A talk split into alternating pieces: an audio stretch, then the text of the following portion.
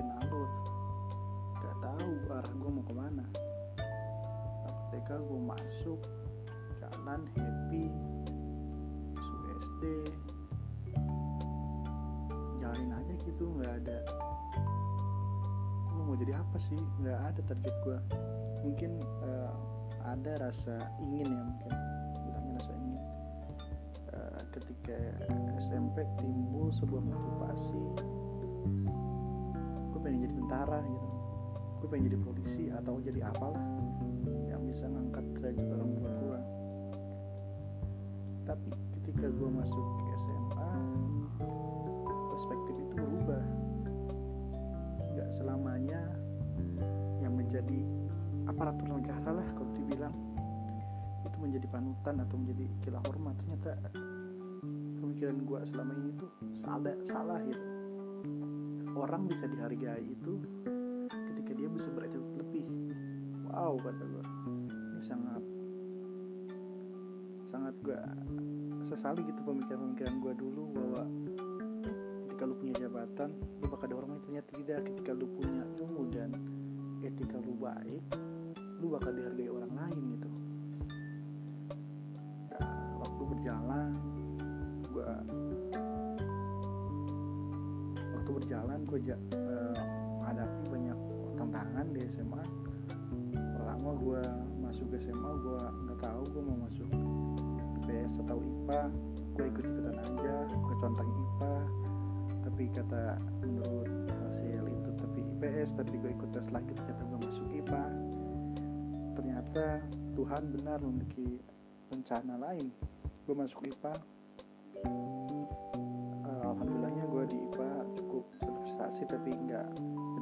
amat yang bilang cukup lah duit gue sendiri. Selama gue berjalan kelas 3 gue mulai dihadapi masuk kuliah. Gue bingung Gua mau jadi apa lagi? Balik ke pertanyaan awal. Mau jadi apa? Gue bingung. Ditanya bolak balik guru BK kamu mau kuliah di mana? Ambil jurusan apa? Gue cuma bisa diem. Gak bu. Bingung. Lah kok kamu bingung sih? katanya. Ya nggak tahu bu coba kamu pikirin matang-matang kamu jurusan apa kata guru gua. Gue pikir pikir. Kayaknya gue nemu gue pengen jadi dokter. Kalau nggak dokter engineer. Kalau nggak yang ketiga pembisnis. Selama waktunya gue ikut bimbel ikut apa gue cita-cita gue pertama gue pengen jadi dokter. Tapi tapi nggak berkata, berkata lain gue nggak bisa jadi dokter gue baca pengumuman SNBTN ternyata gue masuknya di bisnis. Itu pilihan ketiga sih. Nggak ada kebayang gue dari IPA masuk ke jurusan bisnis. Udah pengumuman itu gue kembali lagi tanya kepada diri gue sebenarnya lu mau jadi apa lagi sih? Katanya masuk kok pelajaran IPS sedangkan lu di SMA IPA nggak ada lu belajar. Nggak bukan nggak ada sih nggak. Konteksnya nggak ada yang berbau ekonomi lu baunya ke sains gitu. Ke ilmu ilmu terapan. Ah bodo amat gitu gue coba aja dulu. Eh ternyata gue masuk ke jurusan itu ternyata ada satu poin berbeda yang menurut gue cukup unik.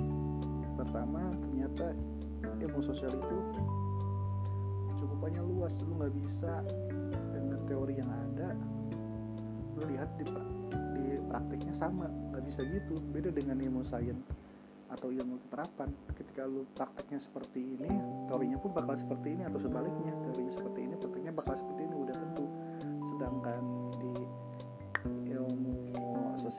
nggak gitu terlalu banyak kalau gua bilang sih uh, fleksibel ya. Eh balik lagi konteksnya. Mau jadi apa? Masuk bisnis gue gak tanya lagi. Ini gue kuliah di bisnis jurusan manajemen. Gue mau jadi apa sih? Nah, sedangkan gue orangnya itu bukan tapi orangnya cenderung santai ya. Ada apa-apa santai. Mau ujian tes apa pun gue belajar pasti hamil satu. Nggak mau gue belajar jadi jauh-jauh hari. Kata gue sih bilangnya "Ah, cepat lupa itu nanti. Buat ya itu sih udah mungkin kebiasaan buruk sih nggak boleh dicontoh sebenarnya. Tapi emang gue tapi gue lakuin tiap semester atau tiap mau ujian gitu lagi gitu lagi. Tapi alhamdulillahnya sih ya, semuanya bilang lancar sih IPK alhamdulillah lancar sekarang udah masuk eh, eh iya semester mau masuk semester 6 gue bingung lagi mau jadi apa? Gue dikasih kebetulan di jurusan gue ada empat konsentrasi. Dan empat empatnya itu beda substansi dan gue tanya lagi diri gue lu mau jadi apa? Gue udah masuk bisnis nih. Gue udah tahu nih gue bakal bergerak di bisnis tapi gue mau di bidang apa? Gue pikir-pikir akhirnya gue merucut pada dua pilihan. Pertama gue ingin masuk pemasaran. Yang kedua SDM sumber daya manusia. Tapi setelah gue pikir-pikir lagi ternyata ada satu hal unik di SDM dan hal itu ada di di pemasaran jadi ketika gue ambil SDM gue dapet pemasaran. Wah kata gue mending gue ambil SDM gue pemasaran dapet SDM dapet. Tapi kalau gue di pemasaran gue cuma dapet pemasaran tapi nggak dapet SDM dari hal tersebut gue akhirnya menemukan sebuah conclusion bahwa Tuhan itu mempunyai rencana lain. Ketika kita menunggu sebenarnya ada satu hal merubah pemikiran kita ada pepatah bilang sih janganlah kalian ambil ambil keputusan ketika kalian sedang marah. Karena 80% itu hasil keputusan kalian bakal salah. Tapi ketika kalian tenang kalian santai nah gue termasuk orang santai ya alhamdulillahnya. Keputusan diambil itu dan keputusan itu bakal menjurus pada apa yang sebenarnya lu inginkan.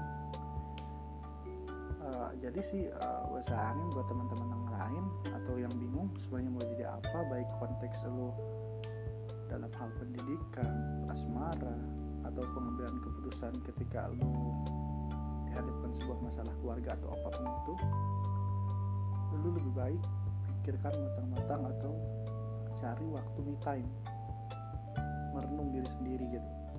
Di situ gue pernah lakuin di situ gue dapet satu hal ketika gue merenung tiba-tiba ada sebuah bisikan bukan bisikan setan ya. Ada bisikan. Wah ini yang terbaik nih. Gue bukan yang terbaik sih tiba-tiba yakin aja pada hal itu. Mungkin itu yang jawaban dari doa atau pemikiran kita yang sebenarnya sudah ada tapi kita ragu dengan hal-hal yang datang di luar sana.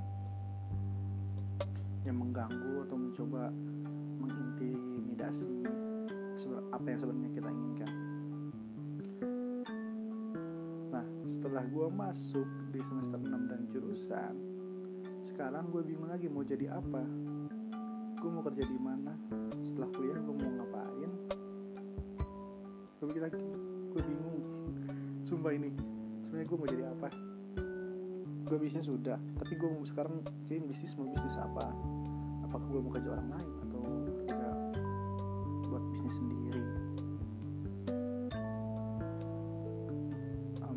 tapi sih ini uh, masih samar-samar ya namanya masa depan. Gue sampai saat ini uh, masih cenderung untuk bekerja di orang lain sih nampaknya sih.